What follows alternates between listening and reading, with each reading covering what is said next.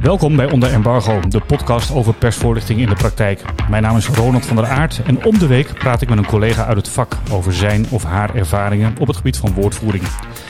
Vandaag ben ik bij de politie. Niet zomaar een politiebureau, maar het hoofdbureau. Het hoofdbureau der hoofdbureaus in Den Haag, waar de korpsleiding zit. En te gast bij deze aflevering is Helma Huizing, coördinator publiciteit en advies en woordvoerder van de korpschef Henk van Essen bij Politie Nederland. Helma, wat leuk om vandaag bij jou te kunnen praten over dit uh, mooie vak. Dank voor de uitnodiging. Leuk. Ja, je was al 13 jaar politiek redacteur bij RTL Nederland. Waarom stapte je over in 2014 naar de politie? Um, dat had ermee te maken dat ik in 2012 um, eigenlijk voor mezelf uh, de keuze heb gemaakt om uh, te stoppen met uh, dat wat ik deed. Of althans om iets anders te willen. Ik stond uh, bij de uitslagenavond van de SP. Het was de vijfde keer dat ik uh, verslag deed van Tweede Kamerverkiezingen. En toen dacht ik, dit is de laatste keer dat ik op locatie sta. De volgende keer zit ik thuis en zit ik naar een uitslagenavond gewoon thuis te kijken. Ja. Maar dat heeft er puur Je was er klaar mee. Nou, niet zozeer klaar mee, maar ik denk dat het altijd goed is om voor jezelf te bepalen: uh, is dit nog steeds wat ik wil? Kan ik hier mijn ei kwijt? Uh, kan ik mezelf voldoende ontwikkelen? Of moet ik misschien een ander pad inslaan? Um, en dat was voor mij, voor mij zo'n moment eigenlijk. Uh, dat ik dacht van nou, wat, wat wil ik eigenlijk met de rest van mijn ja. leven? En blijf ik tot mijn pensioen dit doen? Of, uh, of ga ik een andere weg in? En op dat moment heb ik de keuze gemaakt om iets anders te gaan doen. En wat dat moest gaan zijn, wist ik op dat moment helemaal nee. nog niet. Dus dat is dan ook wel een, uh, een zoektocht. Hoe kwam dit op je pad, deze functie? Uh, nou, op een gegeven moment had ik wel in de gaten dat, dat ik communicatie wel heel leuk vond. Ik denk van, nou, misschien moet ik eens naar de andere kant gaan, woordvoerder. Maar waar, waar dan, hè? En bij wat voor organisatie? En toen had ik al wel heel snel door dat uh, mijn hart toch ligt bij uh, een maatschappelijk betrokken organisatie. Um, een organisatie die ook echt iets kan betekenen voor mensen of voor de samenleving, die midden in die samenleving staat. En ja, toen kwam dit op mijn pad door, uh, er stond een, een, een vacature in de krant en daar heb ik op gereageerd. Ook een organisatie waar wat te doen is. Op een organisatie dus waar heel veel te doen is. Was, ja. was dat wennen? Want dat is natuurlijk wel een enorme overgang, kan ik me voorstellen. Van journalistiek ja, toch, naar... En toch ook weer niet. Nee? Ik, nee, ik was natuurlijk zo gewend bij RTL Nieuws om met die dagelijkse actualiteit bezig te zijn. Ja. Um, eerst heb ik daar twee jaar op de binnenlandredactie gewerkt en later op de parlementaire redactie. En eigenlijk is dit hier niet heel anders. Je bent dagelijks met hele actuele uh, dossiers bezig. Um, uh, als je de kranten openslaat of, of op de nieuwsites kijkt. De politie domineert uh, enorm het nieuws. Mm -hmm. Um, dus in dat opzicht, uh, ja, je gaat wel wat anders doen, maar je bent nog steeds heel erg bezig met het maken van nieuws, alleen op een andere manier. Ja, en um, was die overgang, um, uh, die overgang was niet zo groot, zei je, maar is het dan, is het dan een voordeel dat je journalist bent geweest?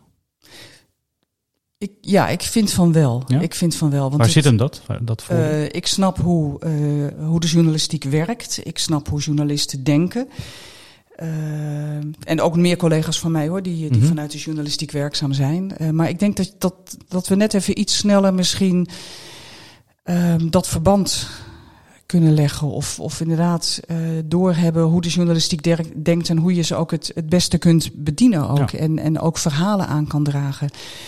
En het grappige is dat toen ik hier kwam, dat ik wel met een soort, met, met, met gezonde argwaan bekeken werd. Um, want ik was natuurlijk wel iemand die uh, vanuit de media kwam. Dus het zou maar zo kunnen dat ik ook bepaalde dingen heel snel zou doorspelen naar media.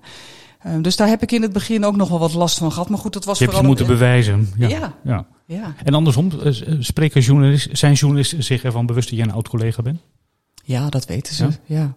En, en, en spreken ze je daarop aan? Is dat... Um Nee, dat is, dat is eigenlijk nooit, nooit als argument gebruikt. Nee, dat is nooit, nee ja. soms wel als, als, ik, uh, als we bepaalde dingen niet doen, dan zeggen ze ja, Elma, je weet toch hoe het werkt. Ja, precies. Ja, ja dat, zeker, dat verwijt. Ik, ja. Zeker, ik weet hoe het werkt, maar het antwoord blijft hetzelfde. Ja. Vanaf, vanaf 2013 bestaat de politie uit tien regionale eenheden en een, een landelijke eenheid in Driebergen, geloof ik. Ja. En het politiedienstencentrum, bij elkaar zijn dat 65.000 collega's. Daarvoor waren dat 25 autonome korpsen. Dat zijn een hoop, hoop kikkers in de kruiwagen. Kan ik me voorstellen. Ja, ik heb, ik heb die situatie natuurlijk niet meegemaakt. Ik ben begonnen in 2014. Mhm. Toen was uh, uh, zeg maar die, die, die, die nationale politie, of genationaliseerde politie moet ik eigenlijk zeggen, was al een feit. Mm um, dus ik, ik kan het moeilijk vergelijken met de situatie daarvoor. Uh, maar ik kan me voorstellen, het is al ingewikkeld en, en soms een hele uitdaging om uh, uh, tien eenheden, landelijke eenheid, wij hier bij de staf en, en het PDC, om dat allemaal bij elkaar te houden. Ja. Laat staan als je inderdaad met, met 25, 26 autonome korpsen te maken ja. hebt. En, en de situatie, wat trof je aan in 2014 toen je startte? Was die, was die reorganisatie of die, die nationalisatie al een feit? Of was die, die vol was in, gang? Die was in volle gang. Op papier was die een feit, maar in de praktijk was dat ja. echt in volle gang. Dat was een proces wat gaande was. En dat ging met vallen en opstaan. De wereld keek mee. De wereld keek ja. mee. Uh, tegelijkertijd uh, waren we, was, was de organisatie met een grote transformatie bezig. Uh, we moesten gewoon ons werk op straat blijven doen. Maar ook voor, voor de communicatie, hè, want als we hem daar naartoe terugtrekken. Mm -hmm. um, ook voor de communicatiecollega's was het gewoon heel erg zoeken naar hoe ga je dat nou doen met elkaar. Ja. Een, een, uh, een club woordvoerders die bij uh, de korpsleiding zit. Uh, maar vervolgens ook allemaal woordvoerders in eenheden, communicatieadviseurs, ook communicatieadviseurs in het PDC. Hoe breng je dat nou allemaal bij elkaar? En hoe zorg je nou dat er een coherent beleid is, ja. uh, uh, communicatiebeleid is en, en uh, dat we ook met één mond spreken. Want kun je vertellen hoe je dat hebt gedaan en, en wat de situatie nu is? Nou ja, dat hebben een heleboel mensen gedaan. Hè. We hebben met elkaar een, een communicatie, uh, een strategische agenda hebben we gemaakt. Van wat vinden we nou eigenlijk, uh, wat vinden de burgers waar de politie van zou moeten zijn en waar willen wij zelf van zijn? Kunnen we dan kijken of we daar vooral uh, de focus op leggen in onze communicatie? Los van wat er natuurlijk vooral in de eenheden op, op operationeel niveau gebeurt. Kijk, de, de woordvoerders in de eenheden zijn heel goed in uh, het doen van de operationele woordvoering. Dus als er incidenten zijn of als er grote manifestaties zijn, dat, dat kunnen zij echt als geen ander. Ja. Daar zijn wij veel minder bedreven in. Uh, wij houden ons hier vooral bezig met de onderwerpen die politiek bestuurlijk gevoelig liggen of die raken aan uh, de grote landelijke thema's waar de eenheden ook mee te maken krijgen. Ja. Daar ligt veel meer onze kracht. Hoe, hoe is jouw team georganiseerd? Um, we hebben een team van, uh, als ik goed tel, tussen de, ik geloof acht, negen woordvoerders. Um, iedereen heeft een, uh, een eigen uh, portefeuille. Um, de woordvoerders zijn gekoppeld aan leden van de korpsleiding. De korpsleiding bestaat uit drie mannen, twee vrouwen. Ja. Um, dus ieder lid korpsleiding heeft één of twee eigen woordvoerders. En daarbinnen hebben we, hebben we ook nog weer een, een verdeling gemaakt. Om je uh, een voorbeeld te geven, uh, samen met mijn collega Judith uh, ben ik woordvoerder van de korpschef. Nou, onder de korpschef zitten een aantal grote thema's: integriteit, um, diversiteit, discriminatie, de hele geweldsportefeuille. Ja. Nou, dat, dat hebben wij dus met z'n tweeën, zeg maar. Ja, integriteit is dan nog weer bij een andere collega belegd, maar dat, dat verdelen we dan met elkaar. Ja. En uh, we proberen ook zoveel mogelijk de verbinding te zoeken met de eenheden, dat als er dossiers spelen die ook hun raken, dan, uh, dan hebben we contact met elkaar. Er zitten ook nog weer portefeuillehouders in het land. Politiechefs die, uh, bijvoorbeeld de politiechef van Amsterdam is portefeuillehouder politiegeweld. Dus ondanks dat het direct valt onder de korpschef, heb ik dan ook weer contact met communicatie ja. in, in Amsterdam om dingen af te stemmen. Dus zo lopen er allerlei dwarsverbanden. Ja, is dat. Ehm, dan heb je wat te coördineren als coördinerend woordvoerder. Uh, ja. ja. ja. Kan ik me voorstellen. Ja. ja. ja. Uh, er zijn een paar organisaties in Nederland die haast altijd in het nieuws lijken te zijn. De, de, de NS bijvoorbeeld. In een eerdere aflevering van Onder Embargo sprak ik uitgebreid met uh, Erik Roes, het hoofdwoordvoering daar. En de politie is ook zo'n organisatie. Uh, welke, welke grote thema's en issues spelen er bij jullie? Die, en waar, waar ben je dagelijks mee bezig? Nou, we zijn nog steeds volop bezig met alles wat, wat corona gerelateerd is. De handhaving uh, van, van de coronamaatregelen. Um, hoewel dat voor een heel groot deel natuurlijk allemaal in de eenheden gebeurt. Um, maar goed, het, het, he, we hebben ook een werkgeversverantwoordelijkheid. Dus wat ja. betekent het handhaven van de coronamaatregelen voor de gezondheid van je eigen mensen? Welke risico's lopen ze? Hoe kunnen wij daar als goed werkgever op inspelen. Ehm, dus corona is zowel voor de interne als ook de externe kant een heel belangrijk dossier. Uh, we hebben een nationaal commandant corona die regelmatig naar buiten in de media, de media te woord staat en, en de verhalen vertelt. We hebben collega's die dat vanaf de werkvloer kunnen doen. Um, dus dat is een, een groot dossier. het capaciteitsvraagstuk is iets wat, wat ons bezighoudt. Ehm, dat, dat komt al jaren terug natuurlijk. Zeker. meer ja. blauw op straat is niet van, van vandaag op gisteren. Nee. Nee, nee weet je, en, uh, en het, het, heeft voor een deel te maken met dat wat er in het verleden is gebeurd. Mm Dan hadden we te maken met bezuinigingen, dus konden we minder mensen opleiden. Dan kun je dan al zien aankomen dat je op een gegeven moment met een tekort gaat komen. We hebben met een grote vervangingsvraag uh, te maken. Veel collega's die met pensioen gaan de komende jaren. Hoe ga je die vervangen? je, je politie, onderwijs heeft ook maar een bepaalde capaciteit om, ja. om mensen op te leiden. Um, dus dat is, dat is echt een, een, een terugkerend dossier. Um, nou ja, dan uh, inclusie, diversiteit, discriminatie. dat is ook zowel, zowel intern als extern een onderwerp wat heel ja. erg leeft. Um, en politiegeweld, zowel geweld door als geweld tegen de politie. Ja, dat, dat, dat is ook een groot dossier. Ja. De coronarellen kan iedereen zich nog, nog levendig voorstellen, denk ik. Kun je vertellen hoe jullie daar vanuit een strategisch niveau naar hebben gekeken en op hebben geacteerd en hoe dat misschien ook operationeel is gegaan? Nou kijk, ja, het operationele, dat wordt vooral in de, in de eenheden gedaan. Hè. Dat, dat vind ik altijd lastig om daar vanuit hier uh, uh, iets van te zeggen of van te vinden. Want dat, ik ken natuurlijk de, de lokale dynamiek niet uh, op dat moment, waardoor bepaalde keuzes worden gemaakt om, om te communiceren en hoe te communiceren. En dat, dat wil ik echt bij de professionals ja. in de eenheden laten. Wat wij wel zeg maar op uh, strategisch niveau doen, is dat we dan kijken, oké, okay, wat komt er op ons af als organisatie? Um, wat betekent dat voor onze organisatie? Wat betekent dat in de handhaving? Wat betekent dat voor eventueel het verdringen van andere uh, werkzaamheden? Wat betekent het voor de inzet van je mensen? Um, nou, en dan proberen wij op dat soort vragen antwoord te krijgen.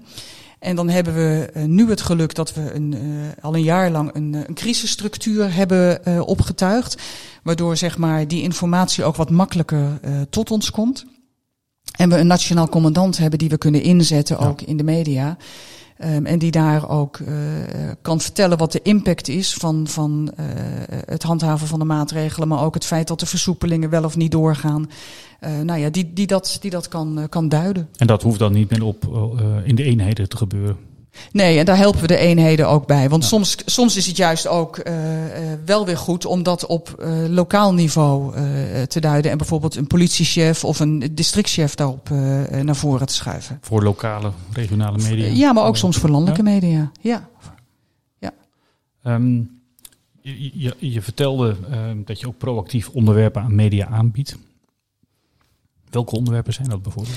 Nou, dat, dat, hè, dat, dat, dat rijtje wat ik net noemde, ja. um, geweld door, geweld tegen, dat zijn ja. steeds meer, dat zijn ook steeds dossiers waar we steeds meer zelf uh, proactief uh, mee naar buiten gaan. Uh, discriminatie ook. Kijk, je kan wachten totdat de vragen naar je toe komen, want je weet dat die vragen gaan komen van media. Dus dan kun je ook bedenken, nou, dat gaat er aankomen, wat vinden wij daar zelf van? En kunnen we nou zelf uh, met ons eigen verhaal naar buiten. En, en vertellen hoe het vanuit onze optiek, uh, hoe dat zit. Um, hoe, hoe bereid je dat voor? Qua timing of prioriteiten? Hoe werkt dat binnen de politie? Nou, allereerst moet je dan zorgen dat je de feiten op tafel krijgt. Uh, hebben we bijvoorbeeld cijfers. En als we cijfers hebben, kloppen die cijfers? Uh, als we de cijfers kloppend hebben, hebben we er dan ook een verhaal bij? Dus wat, wat, wat is dan het beeld wat daaruit naar voren komt? Wat ja. is de trend die we zien? Kunnen we het verklaren? Kunnen we, kunnen we het verklaren? En hebben we dan ook collega's daarbij die dat verhaal eventueel uh, wat meer kleur zouden kunnen geven? Want uh, wij kunnen vertellen wat collega's op straat tegenkomen, maar dat kunnen die collega's op straat vaak veel beter gewoon zelf. Dat, dan komt het veel directer en eerlijker over. Ja, authentieker hoor je dan vaak? Ja. Um, hebben jullie dat ook zo aangepakt bij het vuurwerkverbod? Nou, dat is weer een heel ander traject uh, uh, gegaan. Het, het, vuurwerkverbod is, is echt een uh, dossier geweest van de lange adem. de vorige korpschef is eigenlijk gestart omdat hij zag wat er gebeurde rondom de jaarwisseling. En dacht, ja, wat, wat mijn mensen tegenkomen op straat is eigenlijk niet normaal. En dat moeten we ook niet normaal gaan vinden. Uh, en dan ga je samen met, uh, met de inhoud. We hebben hem toen, uh, toen aangevlogen vanuit het geweld tegen politieambtenaren. Nou, er zit een programmamanager, Ruud Verkuilen. dan steek je de koppen bij elkaar van wat zouden we nou kunnen op dit dossier en wat willen we hierop. Nou, en dan blijft het een een langdurig traject om. Um, wat ieder jaar terugkwam. Wat ieder jaar terugkomt. ja, jaar, denk ja, dus wat, nou ja, we zijn daar de, volgens mij de jaarwisseling 2016-17 voor het eerst mee begonnen. Om het überhaupt te agenderen. Om eens te zeggen van hé, hey, zouden we niet eens moeten kijken naar ja. een gedeeltelijk of een geheel vuurwerkverbod. Uh, want het is niet alleen voor onze mensen veiliger, maar het is voor de hele samenleving veiliger. Want het scheelt schade, het scheelt uh, ja. vuurwerkslachtoffers. Maar goed, dan merk je ook dat je uh, de politiek mee moet krijgen. Want de politiek was op dat moment zeker nog niet zo ver. Nou, dan gaat er nog weer een jaarwisseling overheen. Waarin het eigenlijk nog weer heftiger was. Um, en toen zijn we eens gaan nadenken van hoe kunnen we dit nou uh, uh, gaan agenderen. En nou, toen kwamen we op een gegeven moment tot de slot, omdat het goed zou zijn om uh, andere partijen ook te mobiliseren en samen een vuist te maken. En, en vanuit uh, de traditie die we willen behouden, maar wel um, laten zien ook wat, wat de gevolgen zijn. En dat het zou helpen dat als je uh, het gevaarlijke vuurwerk waar mensen mee kunnen gooien.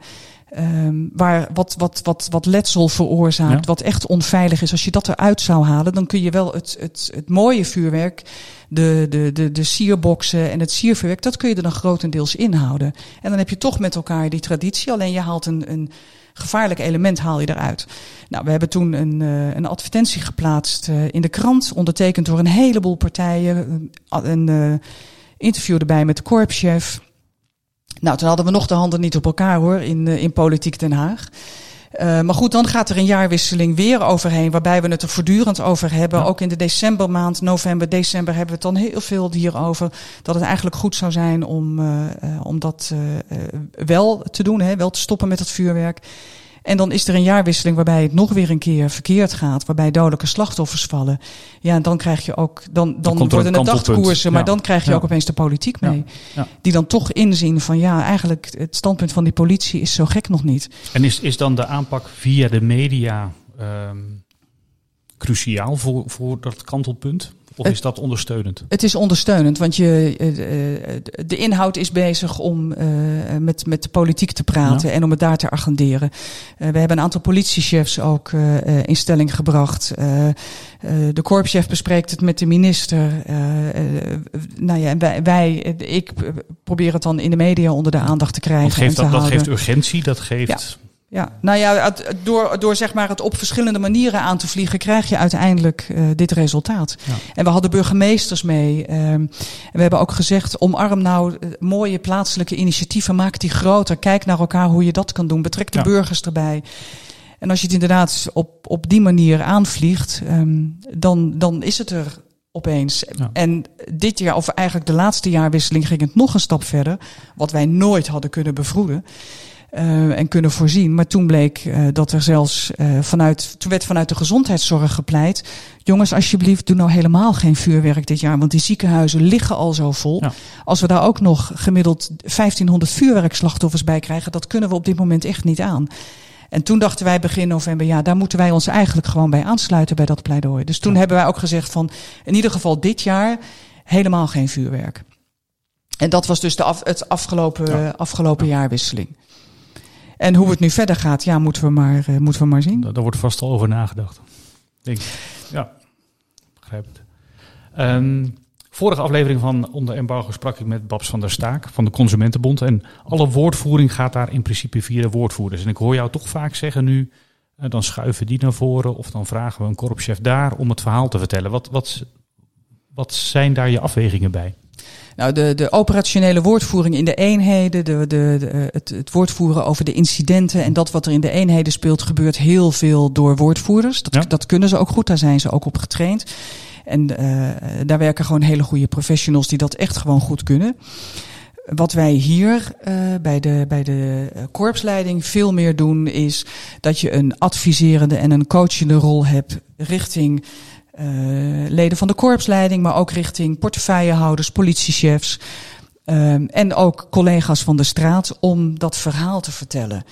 Um, want ja, zij kunnen dat gewoon veel beter dan dat wij dat kunnen. Dus wij hebben eigenlijk veel meer die, die adviserende en, en coachende rol. Um, dan dat we zelf de woordvoering voor camera doen. Wat niet, wat, nou ja, en wat we ook doen is natuurlijk gewoon wel uh, vragen van journalisten beantwoorden, telefoon aannemen, mails beantwoorden. Uh, ik bedoel, dat, dat zit er gewoon bij. Maar als je het hebt over naar buiten toe, um, dan zijn het veel meer zeg maar de inhoudelijk deskundigen en de collega's van de straat, onze boegbeelden, die uh, de woordvoering doen op die grote beleidsmatige thema's. Ben je dan veel aan het trainen?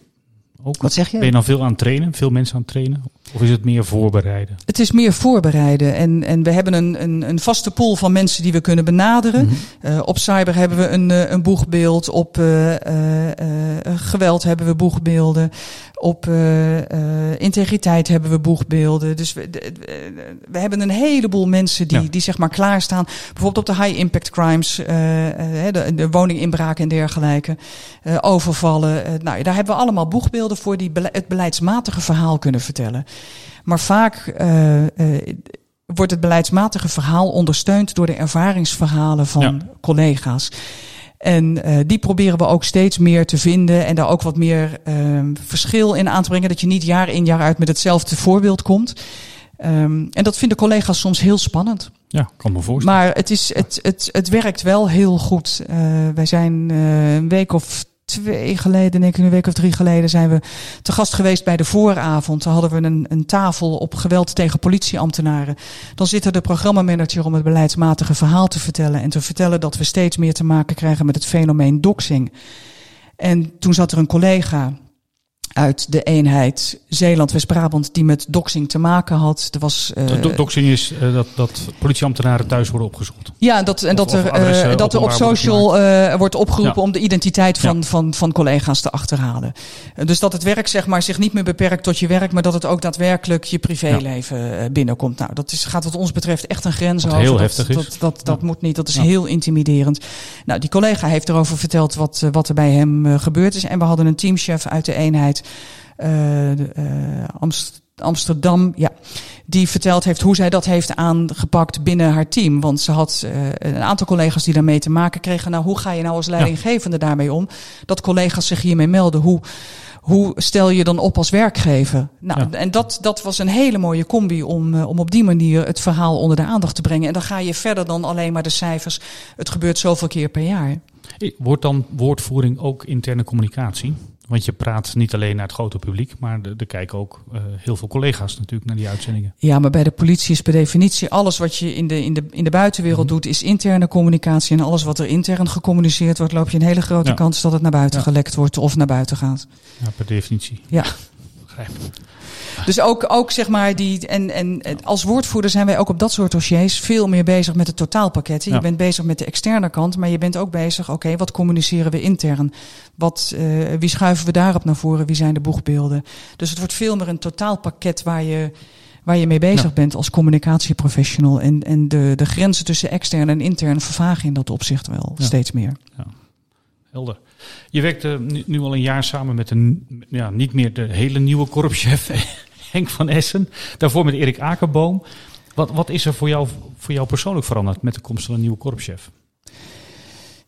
Uh, nou, eigenlijk niet zo vreselijk veel. Uh, uh, Henk kende ik ook al wel voor die tijd, want mm -hmm. Henk maakte ook al zeven jaar deel uit van, van de korpsleiding. En was, een was onder de vorige korpschef Erik Akerboom was hij de plaatsvervangend ja. Dus in dat opzicht was dat niet zo uh, niet zo'n grote verandering. De onderwerpen uh, zijn ook grotendeels hetzelfde gebleven.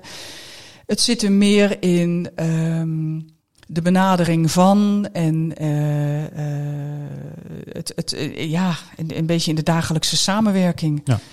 Maar het zijn, het, ja, het zijn niet hele grote, grote verschillen. Het is niet opeens dat we, nu op, dat we nu iets heel anders zijn gaan doen. Is het een groot ding in de media als er, als er een nieuwe korpschef komt? Ja, hoe pak ja. je dat aan? Hoe, hoe, hoe positioneer je in ja, nou, iedereen wil, zo wil nieuwe dan, CEO? Wil, ja, iedereen wil dan eigenlijk het liefst gewoon een, een introductie-interview. Ja. Hè? Nou, dat kan niet, want uh, de korpschef heeft ook nog een, een organisatie te besturen. dan, dan kijken we wel van, nou ja, wat. En vorig jaar was dat natuurlijk een beetje anders, omdat dat uh, midden in de eerste coronagolf uh, plaatsvond. Dus de, de, de installatie van de korpschef, dat was, dat was in zeer beperkte kring. er waren alleen politiechefs bij aanwezig. En dat, dat was het dan ook. Dus daar hebben we foto's gemaakt, zodat we die in ieder geval beschikbaar konden stellen aan de media. Um, er is een introductie-interview geweest, één introductie-interview. En, Kies je dan standaard voor televisie of is het... Nee, het was geen televisieinterview. Nee, dit was, dit was krant. NRC heeft het, heeft het startinterview gekregen. Wat, ook je, omdat, wat is je afweging daarbij?